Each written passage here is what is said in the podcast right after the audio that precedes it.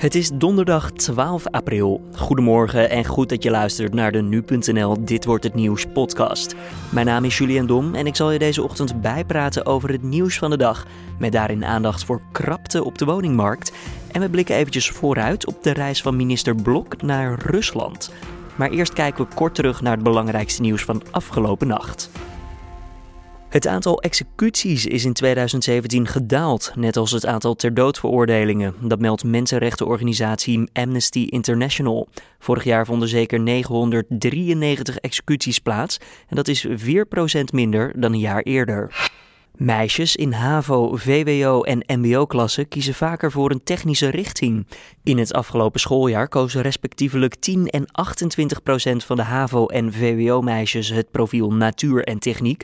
In het schooljaar 2006-2007 was dat nog slechts 2 en 6 procent. In de afgelopen 10 jaar verloren 422.000 werknemers hun baan door een faillissement. Dat meldt het Centraal Bureau voor de Statistiek.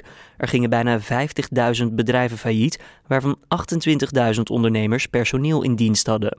De dieptepunten lagen in de crisisjaren 2009 en 2013. In beide jaren raakten ongeveer 60.000 personen hun baan kwijt door een faillissement. En dan kijken we naar de nieuwsagenda van deze donderdag 12 april. De NVM publiceert deze ochtend om 10 uur woningmarktcijfers over het eerste kwartaal van 2018. ABN AMRO kwam deze week al met een voorspelling dat de huizen gemiddeld 8% duurder worden, dat in vergelijking met vorig jaar. Krapte op de woningmarkt dus. Is dit dan wellicht het moment om te verkopen? Nou, die vraag stellen we aan Peter Boelhouwer, hoogleraar bij de TU Delft. Ja, dat ligt eraan uh, wat je van plan bent. Hè? De verwachting is dat de prijzen de komende, zeker de komende twee jaar nog wel behoorlijk zullen doorstijgen. Mhm. Van de andere kant heb je ook weer een volgende woning nodig vaak. Dus als je dan wil gaan kopen, ja, dan wordt die woning ook weer duurder. Dus ja, dan. Uh, dat voordeel doe je dan teniet eigenlijk? Om nu te kopen. Nee, dus als je inderdaad wilt doorstromen, dan zou ik inderdaad dat nu snel doen. Want de volgende woning is, uh, is, is straks weer duurder. Ja, als je wil gaan, gaan huren, ja, dan kun je ook even wachten. Want die prijzen die gaan allemaal uh, verder oplopen. Zeker in de regio. Hè? Nou, daar begint het nu pas eigenlijk goed. Ja. ja. daar hebben we ook gemerkt dat hypotheekaanvragen... Ja, die worden steeds meer gedaan in vooral middelgrote steden. Kunnen we daar nog iets uit opmaken? Nou ja, dat is dat beroemde ja, we noemen het een ripple effect. Hè? Een soort steen die je in een vijver gooit. Het begint altijd in, in de Randstad in Amsterdam en in Utrecht. Hè? De, de krapte en de prijsstijgingen. En dat waait dan langzaam uit richting de rest van Nederland. En met name de rest van Nederland begint daar nu ook echt, uh, echt te merken. Dat, uh, nou, dat de krapte toeneemt en de prijzen stijgen. Ja. En je ziet dat in Amsterdam al lichte prijzen aan het afvlakken zijn zelfs. Over het afvlakken gesproken, is dat echt zo? Wordt het, begint het wat normaler te worden in Amsterdam voor de prijzen waarover we dan nu spreken? Nee, nee. Kijk, tot voor kort hadden we in Amsterdam prijsstijgingen van 17, 18 procent op jaarbasis. En het uh, afgelopen kwartaal zat dat rond de 14. Dus het is nog steeds fors. Maar het, wordt wel, het is al minder gek dan het was. Dat wel. Okay. En met name in het centrum hoor je wel geluiden dat het nu een beetje aan het eind dat het wat minder wordt. Want daar zijn de prijzen natuurlijk enorm sterk gestegen. Ja. Zeg, uh, over hypotheekaanvragen. Na de crisis werd het allemaal moeilijker en moeilijker om een hypotheek te krijgen.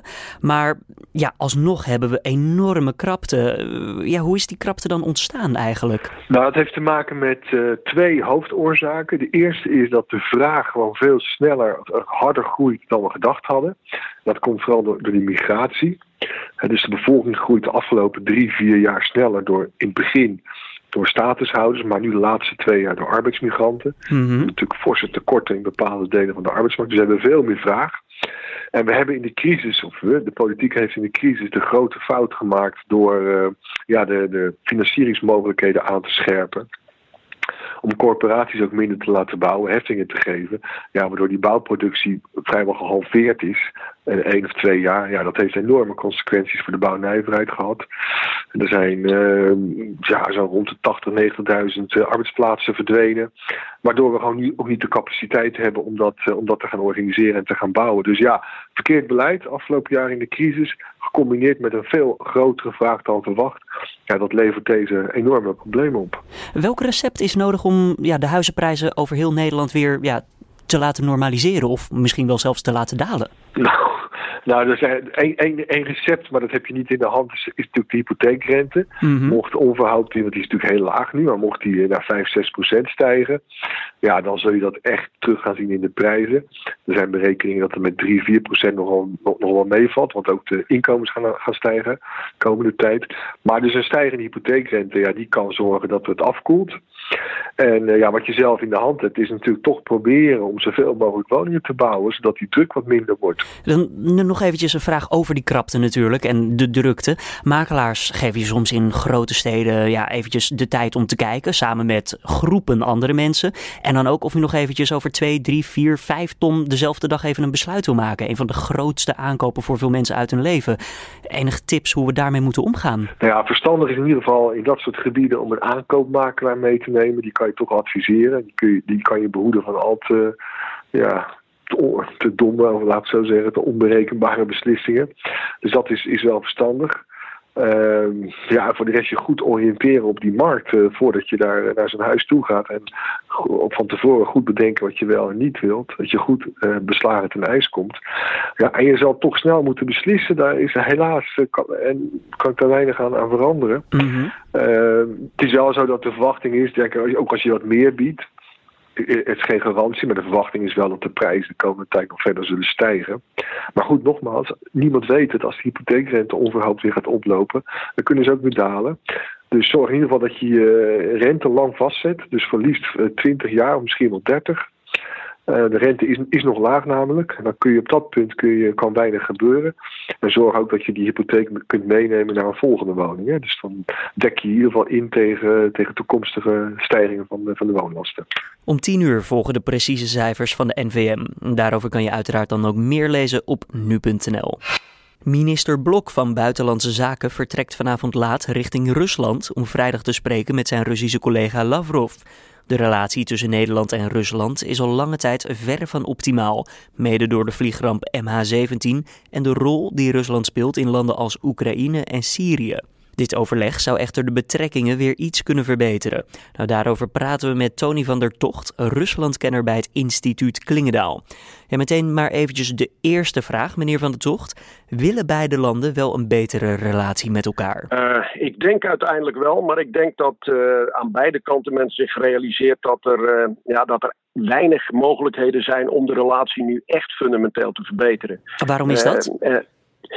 Ik denk dat uh, nou, aan de Nederlandse kant uh, ja, MH17 en ja, de Russische weigering om echt constructief daaraan mee te werken op basis van nou, het horen van getuigen en dergelijke, dat dat uh, ja, eigenlijk het belangrijkste element is voor ons nu in de, in de betrekkingen met Rusland. Mm -hmm. Zolang dat niet verandert, zal de relatie ook ook niet fundamenteel verbeteren. Nou, daar is inmiddels bijgekomen uh, de steun van Nederland voor, uh, voor de Britten in de hele Skripal-affaire. Dus uh, zowel Nederland als Rusland hebben twee van elkaars diplomaten recent uitgewezen. Ja, de vergiftiging van voormalig dubbelspion Skripal gaat het dan over. Ja, ja dat klopt. En ehm, nou, daar, zal, daar is Russische kritiek op van dat dat door de Britten geprovoceerd is, dat er geen enkele bewijs voor is. Um, en uh, ik denk dat Lavrov zeker um, uh, Blok zal aanspreken daarop. En waarom Nederland dan toch met de Britten meegegaan is. Is het dan niet juist onlogisch voor Blok om die kant op te gaan als dit allemaal speelt? Uh, ik denk dat je dit vooral moet zien als een, uh, nou ja, zoals in de tijd ook het, uh, het geplande bezoek voor, van zijn voorganger Zijlstra aan Moskou. Het is een kennismakingsbezoek. elke nieuwe minister die gaat een aantal van zijn voornaamste buitenlandse collega's langs. En daar hoort Lavrov zeker bij. En um, een bijzonder element nu is dat Nederland dit jaar in de VN-veiligheidsraad zit. Dus uh, er is ook, en Rusland is natuurlijk een van de vijf permanente leden daarvan. Ja. Dus er is ook een hele veiligheidsraad-agenda in feite op dit niveau te bespreken. Mm -hmm. um, maar goed, ook daar, kijk, ik verwacht dus op bilateraal niveau geen enkele uh, doorbraak. Ik denk dat uh, nou, uh, minister Blok zou er goed aan doen om er een beetje stevig in te gaan. en, en, en zeker niet te terughoudend te zijn. Zijn we in een informatieoorlog gaande met Rusland, misschien als het Westen? ik denk het wel. Um, en ik denk dat dat nou ja, je hebt dat ook rond MH17 gezien. Uh, niet van ja, gewoon van de Russen kijken daar op een andere manier tegenaan. Maar ook het, het, het uh, moedwillig gebruiken van, van leugens, van allerlei alternatieven. Om uh, wat, voor, wat er ook uit een onderzoek komt, uh, om de, de, de consequenties daarvan te ondermijnen als het uh, een kant op gaat die Rusland niet uitkomt. Ja. en het, hetzelfde zie je met die, met die Skripal-affaire, waarbij ze zich ook al meteen indekken, meteen alles ver van zich gooien, mee willen gaan doen met een onderzoek. Het gaat maar, alle kanten ja, uit. Dat, dat, ja, dus er, zijn dan twee risico's. Of ze ondermijnen het, of, of het, er wordt zoveel verwarring gecreëerd dat, dat niemand uiteindelijk meer weet wat dan de waarheid uh, precies is. Gaat dit nog verder escaleren, denkt u? Um, ja, dat weet ik niet. Uh, dat, dat, dat zou kunnen. Het is, het is ergens ook, dit, die hele informatieoorlog is ook een beetje de strategie van een op zich zwakkere partij. Uh, die ze willen gebruiken om zeg maar, aan de andere kant verdeeldheid te creëren. Ik denk dat Russen ja, militair, uh, ondanks alle prachtige videoclips die president Poetin met een speech nog vertoonde. Maar uh, ja, dat ze toch uh, ja, veel minder voorstellen dan de Amerikanen of de Chinezen. Maar ze zijn wel bereid om, als ze dat nodig vinden, zelf uh, militaire middelen in te zetten. Een veel, veel grotere bereidheid dan aan onze kant. Dus, dus dat is wat ze, wat ze voor hebben. Maar hun grote uitdaging de komende tijd wordt modernisering van de economie. En ik ben bang dat men daar niet aan wil omdat dat ook weer instabiliteit van het politieke systeem met zich meebrengt. In een Mhm. tijd waarin uh, ja, iedereen nu al begint te praten over wat gaat Poetin straks doen, uh, wie gaat hem opvolgen, uh, of in 2024 of eerder. Dus bij die onzekerheid ga je niet naar fundamentele hervormingen van de economie met alle risico's uh, van dien uh, toe. Ja, maar met dat in gedachten is het, is het misschien wel een realistische gedachte om te denken dat Rusland ook wat meer verzoening met het Westen zou willen, om juist wat meer rust te krijgen. Ja, nou ik denk eerder dat het uh, de andere kant op uitpakt. Ik denk dat ze economisch niet zo knel zitten dat ze daarom nu concessies willen gaan doen aan het Westen om de relatie te verbeteren, maar dat ze juist dat vijandbeeld nodig hebben en zich tegen het Westen willen afzetten om het Westen de schuld te kunnen geven waarom het in Rusland zelf niet beter gaat. Tony van der Tocht hoorde je, Ruslandkenner bij het instituut Klingendaal. De returns in de kwartfinales van de Europa League staan op het programma. En dat betekent dat het een belangrijke avond wordt voor Oranje International Stefan de Vrij. De verdediger speelt met zijn club Lazio uit tegen Red Bull Salzburg, nadat vorige week in Rome met 4-2 werd gewonnen. Een andere Oranje International, Bas Dost, zit bij Sporting Lissabon tegen Atletico Madrid een schorsing uit. De Spanjaarden wonnen vorige week in Madrid met 2-0. Andere kwartfinales zijn CSK Moskou tegen Arsenal en Olympique Marseille tegen Red Bull Leipzig. Alle vier de wedstrijden beginnen vanavond om 5 over 9. Dan het mediaoverzicht van deze donderdag. Het kabinet gaat strenger optreden tegen constructies met stroommannen. Dat blijkt uit een wetsvoorstel van minister Grapperhuis van Justitie en Veiligheid en minister Dekker van Rechtsbescherming. Daarover schrijft de Telegraaf. Stroommannen die voor criminele bedrijven opzetten, waardoor bijvoorbeeld geld witgewassen wordt, kunnen in de toekomst makkelijker gedwarsboomd worden. Het kabinet overweegt een nieuwe militaire missie naar Afghanistan te starten, dat schrijft de Volkskrant. Bronnen rond het kabinet bevestigen dat maximaal 20 tot 30 commando's en mariniers special forces zullen opleiden voor de strijd tegen de Taliban.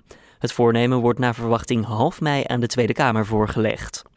Een unieke proef om koopwoningen aardgasvrij te maken. Daarover schrijft Trouw. Huiseigenaren in Heer Hugo Waard die in de buurt wonen van huurhuizen kunnen samen energie-neutraal worden. De eigenaren krijgen van een corporatie het aanbod om dit samen voor elkaar te krijgen. Als zij ingaan op het aanbod zullen ze uiteindelijk niet meer betalen dan hun oude maandlasten. Dan nog even het weer voor deze 12 april. Het is wisselend bewolkt en de dag start zo goed als droog, maar later in de middag komen er vanuit het zuidoosten wel wat buien de grens over. Daarbij is er ook kans op een klap onweer. Het wordt zo'n 18 tot 21 graden. Voordat we bij het einde zijn van de Dit wordt het nieuws podcast vandaag, gaan we nog eventjes terug de tijd in. Maintenant, je déclare Euro Disney officiellement ouvert. Voormalig Disney-CEO Michael Eisner was dat. Ja, Disneyland Parijs werd namelijk op deze dag in 1992 geopend onder de naam Euro Disney Resort. Er werd gekozen voor het dorpje Marne-la-Vallée nabij Parijs, omdat dit op maximaal 4 uur rijden lag voor ruim 68 miljoen Europeanen. Inmiddels bestaat het hele complex uit twee attractieparken met daarin meerdere achtbanen, superveel attracties, hotels en ja, dat is nog niet alles, want in 2021 wordt gestart met de bouw van nieuwe delen weer, met daarin onder andere aandacht voor Star Wars en Frozen. Dit was dan de Dit wordt het nieuws podcast van deze donderdag 12 april. Je vindt zoals gewoonlijk de podcast elke maandag tot en met vrijdag om 6 uur ochtends op nu.nl. Nou, mocht je een reactie voor ons hebben, dan kan je ons een mailtje sturen via redactieapenstaartje nu.nl. Voor nu, tot morgen.